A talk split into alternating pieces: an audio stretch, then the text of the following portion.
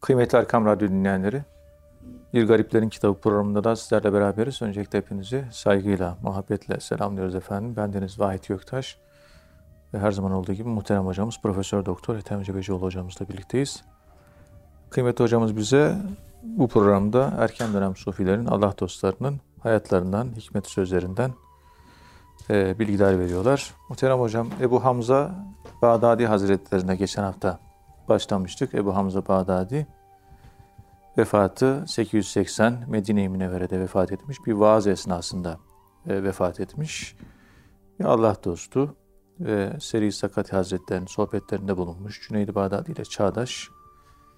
E, dilerseniz bu hafta da bu Ebu Hamza Bağdadi Hazretleri'ne devam edelim istiyorum.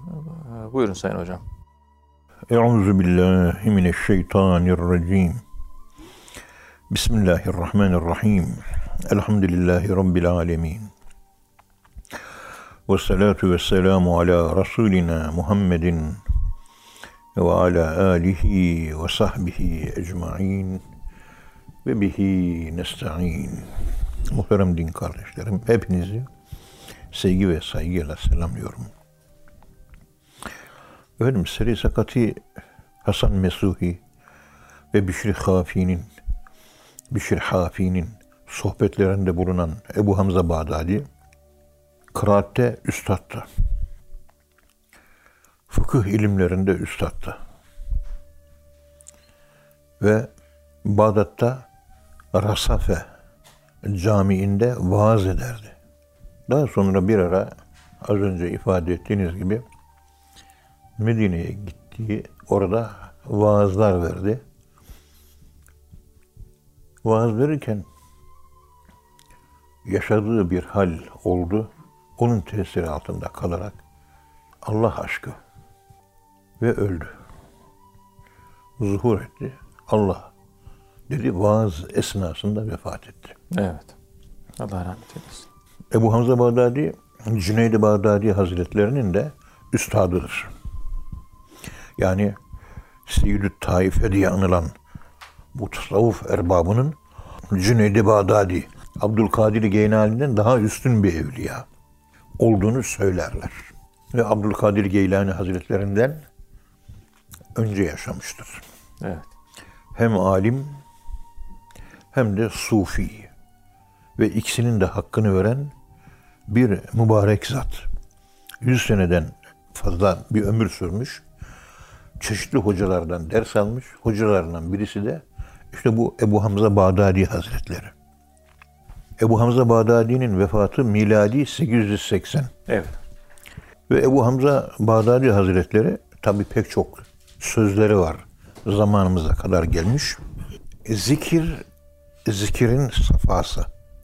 Yani zikrin insanı arındırması. Bunu çok konuşurdu. Cem'ul himme. Himmeti bir noktada toplamak, sabitlemek. Yani kendi düşünce dünyanızı, kalp dünyanızı, ruh dünyanızı, bütün varlığınızı bir tek Allah'ta toplamak ve orada sabit kalmak. Cem'ul himme. Bu konularda konuşurdu. Muhabbet konusunda konuşurdu. Şevk konusunda anlatımları vardır. Kurp, Allah'a yakın olmak. Üns, Allah'la ünsiyet.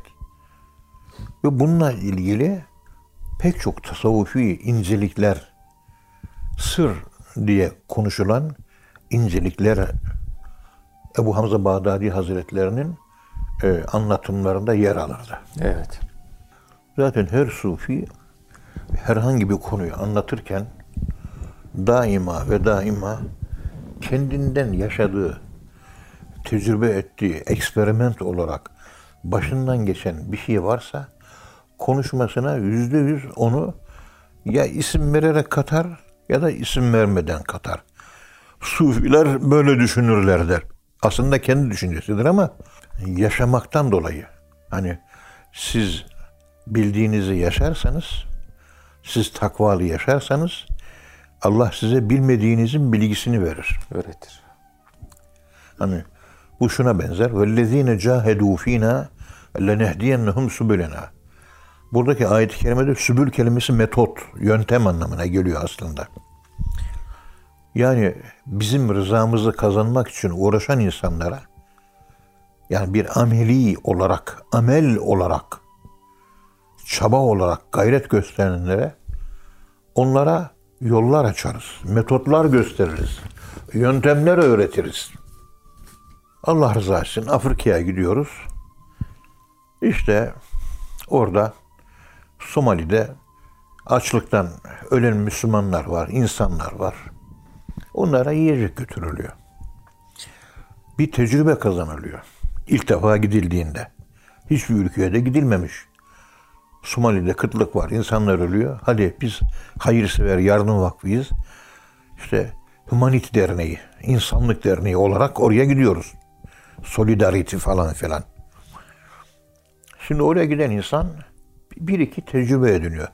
Diyor ki efendim biz yardımlarımızı buradan uçakla, gemiyle oraya götürmek yerine komşu ülkelerden, kıtlık çeken yerlerin yakınlarındaki şehirlerden tedarik edelim. Ve orada ayrıca bu ucuz. Buradan eti hazırlayacaksın, ne yapacaksın? Bu bir yöntem. İlk gittiğimizde bilmiyorduk. Ne bilelim. Götürdük tırlarla, mırlarla falan. Ta bir hafta, 10 gün sonra ancak vardı oraya. Kestirmesi buymuş. Ondan sonra efendim gel git olmaz. Orada sabit bir temsilcimiz olsun. Oradaki ihtiyaçları anlık olarak öğrensin ve merkeze bildirsin. İşte una ihtiyaç var, un yollasın. Şekere ihtiyaç var, şeker yollasın. Pirince ihtiyaç var, pirinç yollasın. Anlık. Yani siz Allah yolunda giderseniz bakın metot durmadan değişiyor. Ama yapmaya başladığınız zaman, uygulamaya başladığınız zaman açılıyor. Ya, yani hareket varsa bereket. İnne fil hareket ile bereketen. Evet, harekette bereket var. Şimdi bizim Samiye işte yeni asistan e, doktora tezi çalışacak. Master çalışıyor. Ona gösterdim. Bak dedim. İşte bu gaybet ile murakabenin birbiriyle olan bağlantısı. Makale bu. Evet. Ne var? İşte kitaplarda 3-5 satır bir şey gözüküyor baktığınız zaman. Yani gaybet anlatılıyor, murakabe de anlatılıyor. Ama ikisi arasında bağlantı hemen hemen anlatılmıyor, çok az anlatılıyor. Evet. En az 50-60 tane kitaba bakıyorsunuz, 100 tane kitaba bakıyorsunuz. Bakıyorsunuz ki murakabe ile gaybet arasında münasebet başlı başına bir doktora tezi olacak seviyede. O elini kesen kadınlardan başlıyor bu iş. Hazreti Yusuf'u görünce o kadınlar ellerini kestikleri zaman ellerinin kesildiğini fark etmemişler. Acıyı hissetmemişler. Acı hissetmemişler. Gaybeti anlatmaya oradan başlamak gerekiyor. Ayetlerden, hadislerden. Bir doktora tezi, 300 sayfalık, 400 sayfalık kitap olarak bir çalışma. Elimde makale duruyor. Sami evladım bak. Bir buçuk sayfa. Ben bunu Altınoluk dergisine yazıyorum. Ama ben bu yazıyı 6 ayda ancak bitireceğim. Veya 4 ayda ancak bitireceğim. Ve yaklaşık 45 senelik bir akademisyenlik tecrübesi ve uzmanlığımı kullanacağım. Arapçamı, görgümü, bilgimi, bütün kabiliyetlerimi kullanacağım. Bir buçuk sayfa yazıldı, müsvedde geldi elime, önümde duruyor. Oraya baktım, buraya baktım. Bir başlık çıktı ortaya. Eklemek zorunda kaldım. Gaybetin, efendime söyleyeyim, zikirle bağlantısı ne? Bir, öyle bir konu çıktı. Evet. Ona da baktık. Gaybetin sekirle ilgili bağlantısı çıktı. Çıkıyor böyle satırlar arasında görüyorsunuz. Hemen onunla ilgili tespitlerinizi, bulgularınızı, kaynaklarınızı zikredip yorumluyorsunuz, yazıyorsunuz. O bir buçuk sayfalık makale tam 12 defa tahsih gördü. Evet. Ya bir tahsih, bir tahsih. Her tahsihte birer sayfa artıyor, birer sayfa. Hiç aklımıza gelmeyen başlıklar ortaya çıktı. Ama sahaya inip sahada çalışmaya başladıktan sonra bu oldu. Tribünlerde otururken bu olmuyor. Evet. Öylezine cahedu olmadan Lenehdiyennehum sübülena olmuyor. Allah'a karşı nabudu yapamazsanız Allah'tan size nesta'in gelmez. Sen nabudu yaparsan nesta'in gelir. Yardım gelir. Allah'a kul olursan sana yardım olmazsan yardım gelmez. Yani bu hizmetin, çalışmanın, ilmin, saygı gayretin Allah tarafından ödüllendirilmesi yatıyorsun, böyle murakabe alıyorsun. Murakabe esnasında o konuyu kafanda oluşturmaya çalış. Oluşturunca bir şeyler parlıyor. Ya şöyle bir ayet vardı diyorsun. Ya böyle bir hadis de vardı diyorsun. Cüneyd-i Bağdadi'nin böyle bir sözü vardı diyorsun. Hilyetül Evliya'da Ebu Naim İstihani böyle demiş diyorsun. Abdülkadir Gene Fethü Rabbani'de şu ibaresi var diyorsun. İmam Rabbani mektubatında işte 133. mektubunda şöyle geçiyordu diyorsun. Bakıyorsun bir buçuk sayfa 14 sayfa oldu. Üç buçuk aylık. Çalışma. Sonunda çıktı ortaya 14 sayfalık makale çıktı. İlk yazdığım yani gaybet hakkında yazdığım İslam ansiklopedisindeki gaybet maddesinin yarısı kadardı. Yani İslam ansiklopedisinde gaybet anlatılıyor. Daktilo döksen iki buçuk sayfa, iki sayfa falan fazla değil. Daktilo sayfasıyla. Ama siz yakın bağlantılarını bulup ve konuyu işleme metotlarını geliştirmek Allah'tan gelen bir vergi onu geliştire geliştire geliştire geliştire 12-13 sayfalık makale ortaya çıktı. Bir de Allah yolunda bir derviş çalışırken Allah'a ben gitmek istiyorum. Allah'ım sana nasıl gelirim? Allah hemen şunu da yap. İlham ediyor. Afrika'ya hizmetin şevkini veriyor. Orada yiyecek, içecek dağıtmanın, Kur'an-ı Kerim öğretmenin, medrese açmanın, ilahiyat fakültesi kurmanın, yetimler yurdu kullan, kullanmanın, o yetimler yurdu açmanın, talebe yurdu açmanın, işte Kur'an okulları açılması, immatipler vesaire ne bileyim yapılan önce bir açlık için gidildi. Arkasından hemen Kur'an kursları geldi. Yoktu. Sonra da hafızlık okullara çıktı ortaya. İmmatip okulu işte ilahiyat fakülteleri, efendim söyleyeyim e, yurtlar, ondan sonra yetim evleri, kreşler derken e, biz bir yiyecek un götürüp oradaki vatandaşın, Müslümanın karın doyurmak. Yola bir tek unla gittik. Bir sayfalık kitapla gittik. Sarı. Derken o makalemiz bu şekilde o kadar çok sofistike ki bir kalem olan hizmet şimdi çıktı 22-23'e. İşte Allah'ın açması bu. وَالَّذ۪ينَ جَاهَدُوا ف۪ينَا لَنَهْدِيَنَّهُمْ böyle. Atlayıp gideceksin. Allah açar. Bitti. Şimdi Ebu Hamza Bağdadi Hazretleri de yani fıkıh konusunda e, ve pek çok bilimlerde usta ve üstad olduğu için önü açılmış ve talebeleri var. Ve kendisi mesela alim, Ahmet İbni Hanbel'in sohbetlerine bulunur ve onun sohbetinde onun derslerine katılırdı. Ancak Ahmet İbni Hanbel böyle tasavvufi konular konuşulurken döner Ebu Hamza Bağdadi'ye derdi ki Ey Ebu Hamza siz sufiler bu konuda ne dersiniz acaba der ve konuşması için onu teşvik eder ve onun açıklamalarını dinlerdi. Dört büyük mezhep imamlarından birisi olan Ahmed İbni Hanbel. Ve o da Ahmed İbni Hanbel Hazretleri meclisinde maneviyat konularını, tasavvuf konularını konuşurdu. Mesela hiç unutmam. Fıkıh hocası, profesörü arkadaşım geldi. Ethem Hoca dedi, senin doktora dersini dinleyeceğim dedi. Oturdu. iki saat benim doktora dersimi dinledi. Dedi ki ya Ethem abi dedi. Şimdi sen bu konuyu bizim fakültedeki bütün hocalara anlat. Çünkü bu konuştuğun konu tefsir, fıkıh, hadis, kelam, felsefe bilmem ne bunların tamamen üzerinde bir şey konuşuyorsun. Sen tamamen bir Allah'ı anlatıyorsun. Buna Cumhurbaşkanı'nın da ihtiyacı var. Köylünün de ihtiyacı var. Şehirlinin de, profesörün de, cahilin de, kadının da, erkeğe. Herkesin ihtiyacı olduğu bir şey anlatıyorsun sen dedi. Yorgunum dedi. İki saat dersini dinlendim. Şu anda dinledim ve dinlendim şu anda ben. Rahatladım dedi. Halbuki fıkıh konusunda yani ben onun yanında konuşamam bile. Kendi hesabıma konuşuyorum. Ama onun da bu yönden tasavvufi maneviyat yönünden eksiği var. O eksiği bizden buluyor ve kalbi rahatlıyor. Fıkıh soru sorduruyor. Kelam soru sorduruyor. Sorgulayın diyor. Sorgulanan yerde iman olmaz. İman olmayan da sükun, sükunet olmaz. Huzur olmaz. Onun için tasavvufun bir tane metodu vardır. Allah, Allah, Allah diye zikirden. Başka hiç metodu yoktur aslında. Kısaltılmış yoldur. Ama Muhyiddin Arabi Hazretleri biz anlayalım diye tasavvuf seyri sülükü ile yol uzatılmıştır diyor. Aslında bir adımlık yol. Bir, de, bir adımda atlıyorsun Allah o kadar. Bakıyorsun e, ta 1976'da ders aldım ben. 47 senenin beri yürüyorum. Ya yolun sonu yok.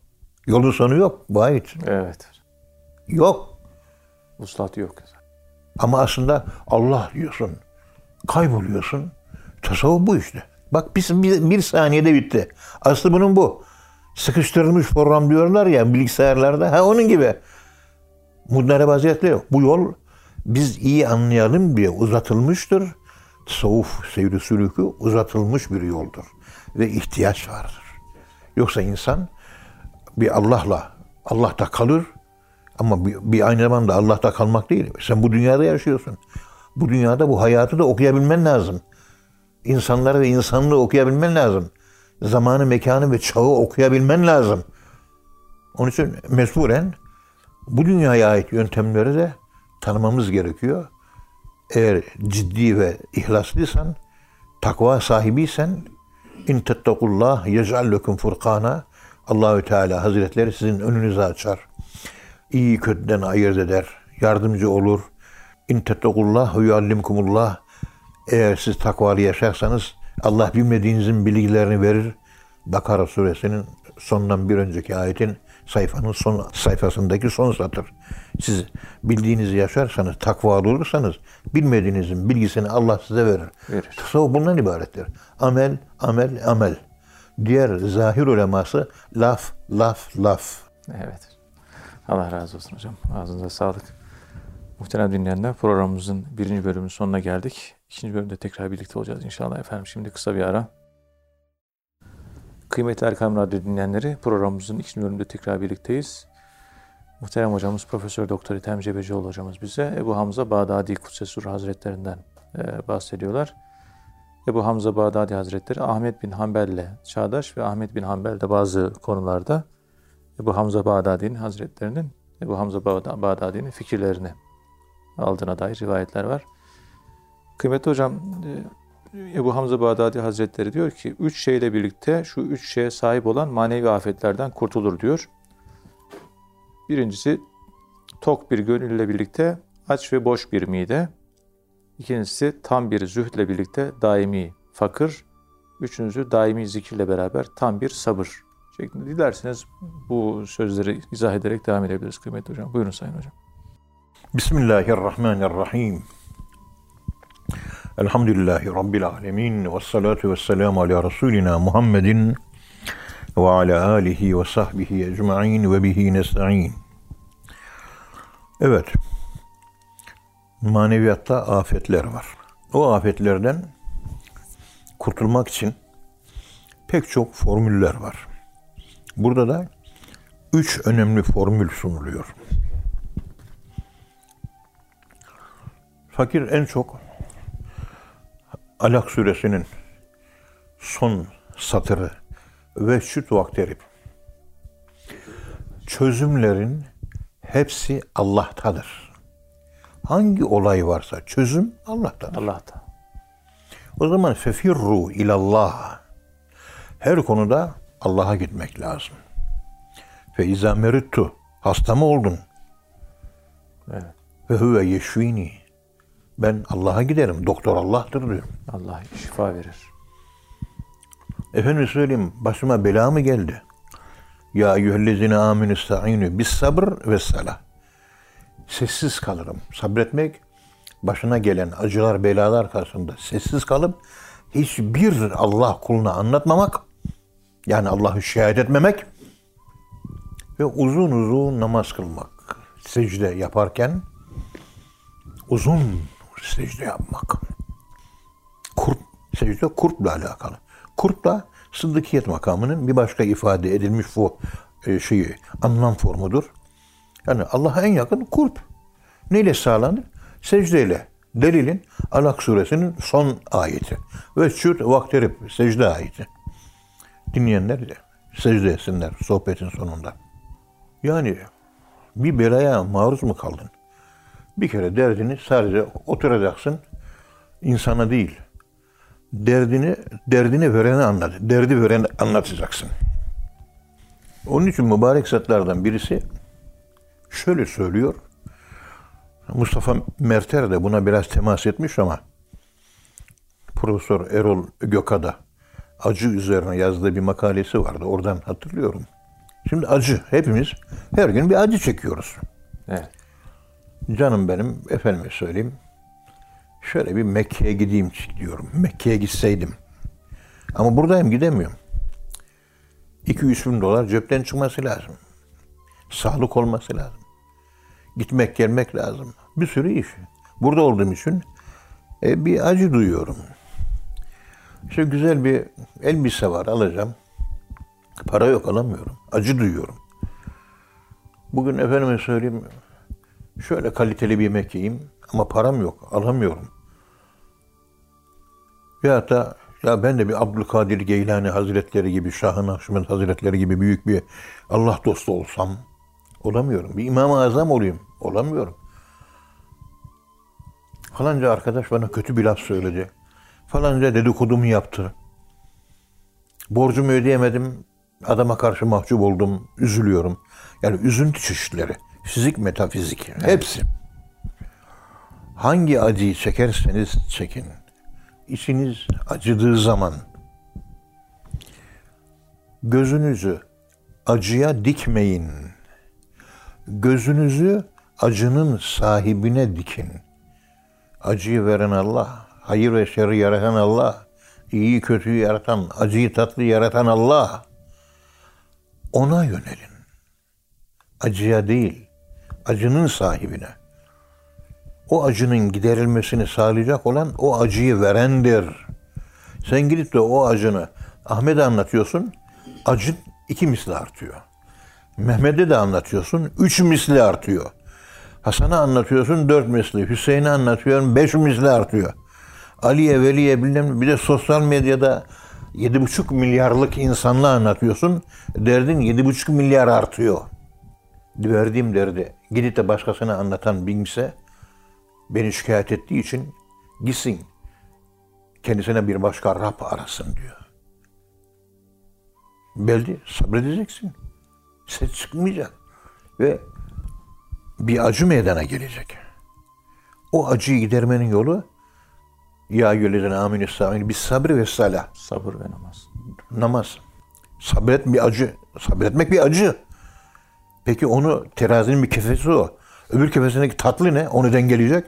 Salah, dua, namaz. Uzun namaz kılacaksın. Evet. Uzun uzun secdeler. 111 defa. Da bunu gidip de caminin içinde olmaz. Millet bu ne yapıyor der. Ben bu konuşmalarımı anlatıyorum, izah ederken ta bizim Rotterdam'daki arkadaş hocam camide de olur mu diyor. Ya ben bunu zaten söylüyorum. Bu camide değil, evde olur uzun secde, uzun rükû. Camide 11 defa, 7 defa, 3'ten fazla olacak. Ama evde kıldın ama 70 defa, 111 defa, 500 defa, 2 saat peygamberimiz gibi sabaha kadar secde et. Acı dengeleniyor o zaman.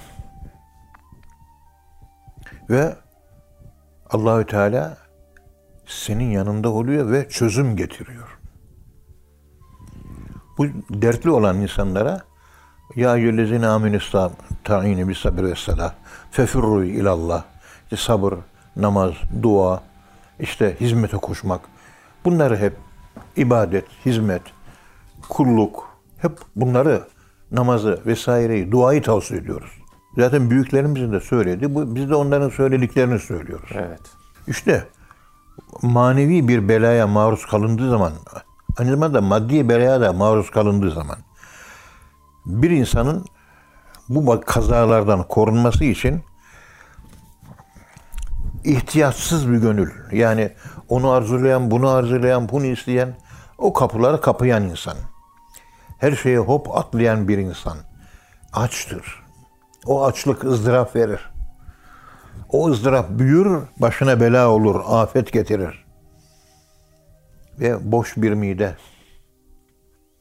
Oturdun, peygamberimizin yaptığı gibi bir lokma ekmek, bir tabak yiyecek. Bu kadar. Yani günde iki öğün yiyorsanız öğlenleyin bir kap yemek, bir tabak. Akşamleyin de bir tabak yemek bir insana yeter. Tek çeşit. Tek çeşit o kadar. Başka dünyaya rağbet etmemek, zühd. Zühd ile birlikte sürekli fakr hali. Yani Cenab-ı Peygamberimizin yaşadığı fakrı yaşamak. Yani azla yetişmek, minimalist bir hayat tarzı diyorlar bugün. Azla yetinmek. Nasıl oluyormuş? İki tane zeytin, bir dilim peynir, bir dilim kızarmış ekmek, bir bardak çay, bir dilim de domates ve bir tane biber, tek biber. Hakikaten bakıyorsun e, az bir şeydir bu nihayet. Peygamberimizin yaptığı işte bu. Azla yetiniyordu. Bunlar hep sünnet. Ebu Hamza Bağdadi dedikleri sünnet. Fakr hali. ihtiyatsızlık. Nahnu fukara ve ilallah. Biz Allah'a muhtaçlarız. Daimi zikirle beraber zikrederek sabretmek. İşte ya eyyühellezine amenü sta'inu bis sabir ve salah diye anlattığımız bu. Namaz zikirdir biliyorsunuz. Taha suresinin ikinci sayfasında akimis salate li zikri diyor. Zikir namaz kılmaktır. Namaz zikir etmektir. O zaman hem sabredeceksin hem de namaz kılacaksın. O zaman Allahü Teala senin yanında olur. İnna Allaha ma sabirin gerçekleşir. Cüneyd Bağdadi Hazretlerinin anlattığına göre Ebu Hamza Bağdadi karnını az doyururdu. Ve çok nadir yerdi. Yani şimdi bir öğle yemeği mi yedi?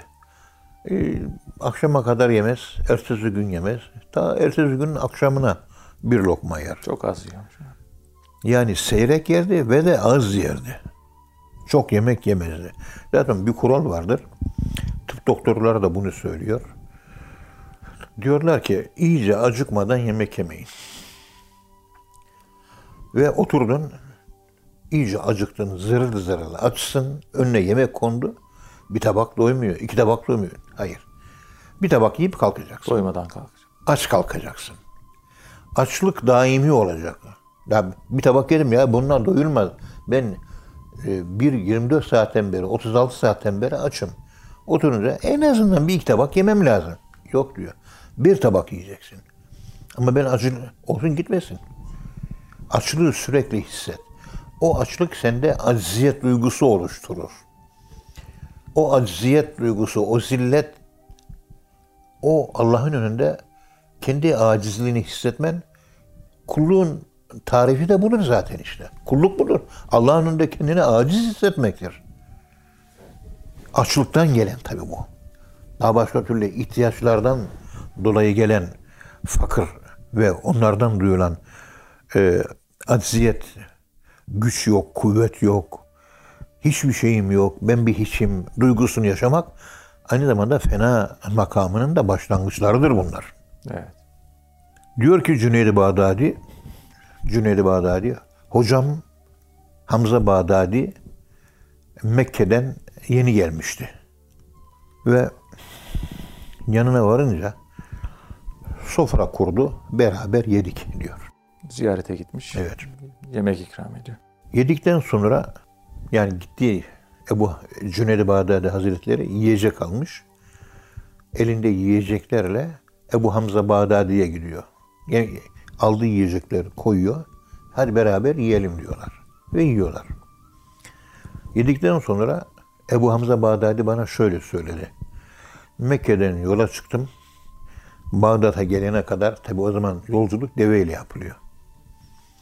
Uçakla bir saatlik yolculuk değil, deveyle yapılıyor. En azından bir 15 gün 20 günlük bir yolculuk. Dedi ki bana diyor Mekke'den Bağdat'a gelene kadar yediğim üçüncü yemek bu diyor. Demek 5-6 gün, 5-6 gün ara vererek aç kalmış. Evet. Hamza Bağdadi'ye göre aşk nedir? Aşkı çekenler bilir diyor. Yani kimisinin acısı büyük olur, acı büyükse aşkı büyüktür. Aşk büyükse acı büyük olur. Acı büyük olunca gece uyumaz. Ben aşıkım diyor, Allah aşıkıyım diyor. Durmadan yatıyor. Buna aşık denmez. Evet. Acı uyutmaz. Sancı çeken hasta uyur mu evladım? Sancı dikenler gibi batar. Uyuyamaz. Uykusuz kalır. İşte aşk bir diken gibi acı olarak battığında gece uyuyamazsın. Aşığa uyku geceleyin haramdır diyor. Haramdır. Bütün sufilerin ifadesi bu. Onun için yatıyor olsa bile tefekkür halindedir. Biraz kendinden geçer gibi olursa da tak, tekrar kalkar ama uyku uyamış, uyumuş gibi diri kalkar. O da ilginç bir şey. Tadanların tatlı tatlı bir çiledir aşk. Çiledir. Dediler ki aşık sevgilisinden bir başkasına yönelebilir mi? Dedi ki hayır aşk sürekli bir sıkıntıdır dedi. Ve kesintisiz bir sevinçtir dedi. Sıkıntı ama o sıkıntıdan sevinç duymaktır diyor. İnsan sıkıntısından çektiği çileden üzülürken Allah'a aşık olanlar o aşktan dolayı duyduğu sıkıntı ve acıdan sevinç duyar diyor. Mutlu olurlardı. Ama etrafımızdaki gençler aşkı ne olduğunu bilmedikleri için, arkadaşlarım bilmedikleri için acının altında eziliyorlar. Acı gelince güleceksin. Kahrı da hoş. Lütfu da hoş. Ve devamlı bir sancı çekiştir aşk. Onu ona müptela olandan başkası bilemez. Gerçekten de Hazreti Mevlana'nın bu konuda bir sözü var. Kendisine birisi gelir, ey Mevlana aşk nedir diye sorar. Hazreti Mevlana tebessüm eder, benim gibi olursan anlarsın der. Çünkü gece uyku olmuyor. Gece uykunun olması, olmaması ve uyuyamamak ruhaniyetin maddiyata galip gelmesini gösterir. Bu şekilde ruhaniyat maddiyata galip geldiği zaman tayı zaman tayı mekan başlar. Bilmediğimiz bir yeni bir hayat sunulmuştur. O hayatta yaşamaya başlar. Farklı bir alan ortaya çıkar. Herkesin avam tabakasının yaşadığı gibi değil.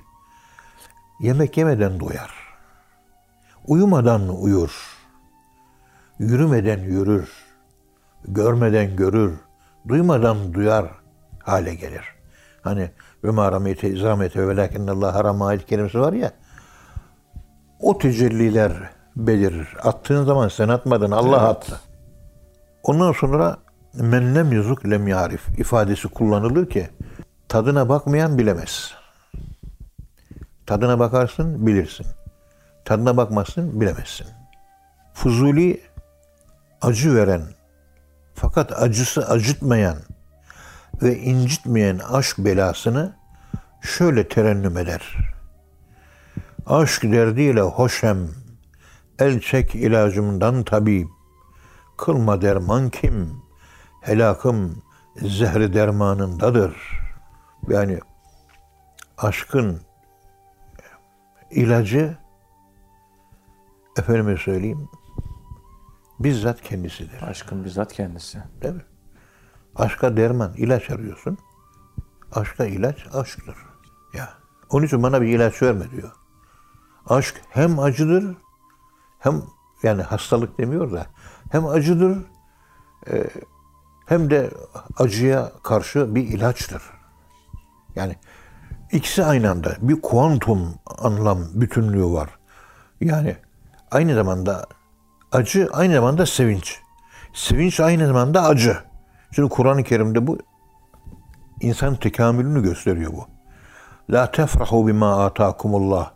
Allah size bir şeyler, bir nimetler verdi değil mi? Para, mal, mülk elinize geçti. Sevinme diyor. Evet. Ferahlık duyma diyor. Sevinme, ferahlık duyma diyor. Ve la te'sev ala ma fatekum. Elinden bir şey çıktığı zaman da üzülme diyor. Yani bir şeyi kaybedince, acı duyunca sevin, sevinecek bir şey gelince de acı duy diyor. O ayet-i kerimenin açıklaması bunlar hep. Evet. Peygamberimiz üzülünce gökyüzüne bakardı. Sevindiği zaman da toprağa bakardı. Normalde üzül insan başı öne eğik yere bakar değil mi? Evet. Normal budur. Üzülünce başımız öne eğik. Ve sevinince de göğe bakarız. Peygamberimiz tersini yapıyor. Kuantum anlam egzistansiyel yapısının insan ameline yansıması bu. Yani acı çekiyorsun hemen karşındaki acının vericisi olan Allah'ı görebilmelisin. Evet. Nimet verildi. Yarın bunun yevme izin letüs elünne anin naim. Yani bu her türlü nimetten hesaba çekileceksiniz. Soğuk su içiyorsunuz. O soğuk suyun bile hesabı bir nimettir, sorulacaktır diyor Peygamberimiz sallallahu aleyhi ve sellem. Efendimiz. İşte Sufi bu iki denge arasında giden kuantum insanıdır. Vardır, yoktur, yoktur, vardır. Heptir, hiçtir, hiçtir, heptir. Beyazdır, siyahtır, siyahtır, beyazdır. Gecedir, gündüzdür, gündüzdür, gecedir. Aydınlıktır, karanlıktır, karanlıktır, aydınlıktır. Sağlıklıdır, hastadır, hastadır, sağlıklıdır. Sağlık hastalıktan gelir. Karanlık, aydınlık karanlıktan gelir. Yuhricuhum mine zulümati ile nur. Bu ışık karanlıklardan gelir diyor ayet-i kerimede. İşte bu insanın bir yapısı var. Buna polarize bir yapı. Yani çift kutuplu, double polarize. Çift kutuplu bir yapı var. Bir terazi düşünün, denge değil mi? Denge dediğiniz zaman hemen aklınıza bir terazi ve o terazinin iki kefesi. İkisi burada bir kilo varsa burada bir kilo elma olacak. O kadar. Ve vada al mizan. Allah teraziyi koydu. Nereye koydu? Hepimizin ruhuna yerleştirmiş. Hepimizin ruhunda adalet var. Var. Terazi var. Onun için ella tuksirul mizan ve la tuksirul mizan. Teraziyi bozmayın diyor. Hep dengede kalsın. Bir taraf yukarıda bir taraf aşağıda olmasın. Dengede. Denge için bu lazım. Bakıyorsun acı ağır basıyor. Hem mutluluğu devreye sokuyorsun. Allah'ı devreye, ümiti devreye sokuyorsun. imanı devreye sokuyorsun. Çok seviniyorsun. Şımaracak. Böbürlenecek. Merahan. Yeryüzünde öyle temşu fil ardı merahan. Böbürlenerek yürüyeceksin. Hayır. Hemen burada Ya Rabbi bu nimeti verdim ben bunu nasıl ödeyeceğim diye gelen nimetin şükrünü ödeyememenin acısını taşıyacaksın. Yok nimetin içinde boğulursan, aklın fikrin onun içinde kaybolursa şımarık, böbürlenen ve Allah'a isyan eden bir günahkar kul haline kendi kendini dönüştürebilirsin. Hep zıtlarda, zıtların ahengi diyoruz biz buna. Bütün sufilerde vardır bu. Denge zıtlar arasındadır. Haza azbun furat ve haza milhun ucac. İşte tatlı su, işte acı su. İkisi aynı anda olacak. Merzel bahrayni yeltakiyan. İki deniz birbirine kavuştu. Beynehuma berzahur la yebgiyan. Aralarında bir engel olmadığı halde birbirlerine kavuştu. Falan. Farklılıklar aynı anda içimizde olacak. Aynı anda sevinç, aynı anda acıyı içimizde aynı anda yaşayacağız. Hocam aynı anda iki şey düşünülemez ama yaşanır. Yani artıyı, eksiyi aynı anda düşünmek mümkün değildir ama kalp olarak sezilir artı ve eksi. Yani e, entüisyonik olarak, sezgisel olarak acıyı ve tatlıyı aynı anda hissetmek mümkün ama düşünmek mümkün değil. Çünkü ma cealallahu liracun min kalbi min kalbeyni fi cevfihi. Allah e, insanın göğsünde iki tane kalp yaratmadı. Yani akıl bir şeyi düşünür. İşte gönül dünyamız aynı anda hem acıyı hem tatlıyı aynı anda düşünür. Aynı anda la ilaheyi düşündürüyor Allah. Aynı anda illallah düşündürüyor. La ilahe ilahtır, şirktir. İllallah da tevhiddir. Allah'ın kendisidir. İkisinin tevhid edilmesi. ilahla Allah'ın tevhid edilmesi. Nasıl tevhid olacak? Tabi bizzat bu ilke La ilahe illallah'ın kendisinde var. O zaman ancak bir Müslüman olabiliyorsunuz. İllallah deyince Müslüman olunmuyor. Tahtazani'nin Şer'i Akaid adlı eserine göre. La ilahe illallah dediğiniz zaman. La ilahe illallah'ta bir ilah görüyoruz, bir de Allah görüyoruz. Eferayte men ittahaze ilahehu hevahu. Nefsinin ürettiği ilahlar. Binlerce ilah var. Onun karşılığında terazinin öbür kefesinde bir tek Allah var. Allah varsa terazi dengededir. Allah yoksa terazi dengede değildir. Tasavvuf o terazinin boş kefesine dengeyi sağlamak üzere Allah'ı sabitlemek. Kalbimizde Allah var. Kalbimde Allah var değil mi benim? Evin yandı diyor gülüyorum. Çocuğun öldü diyor tebessüm ediyorum. Diyorum ki elhamdülillah ala külli hal. Sami Efendi Hazretleri'nin dediği gibi kardeşin öldü deyince gelenlere elhamdülillah ala külli hal demiş. Yarım saat sonra gelmişler efendim ölmedi hayatta yine elhamdülillah ala külli hal demiş. İstikameti dümdüz ve dosdoğru. Şekli hiç bozulmuyor. Kahrı da hoş, lütfu da hoş. İyi ve kötünün bir olduğu yerde yaşamak, Hızır gibi insanlar yapabilir bunu. Sami Efendi Hazretleri böyle Hızır gibi bir insandı. Tam temkinde. İki denizin birleştiği yerde. Balığın canlandığı yerdeydi. Evet. Allah razı olsun. Ağzınıza sağlık. Muhterem dinleyenler, hocamıza çok teşekkür ediyoruz. Efendim bir programın daha sonuna geldik. Bir sonraki programda buluşuncaya dek hepinizi Allah'a emanet ediyoruz. Hoşçakalın efendim.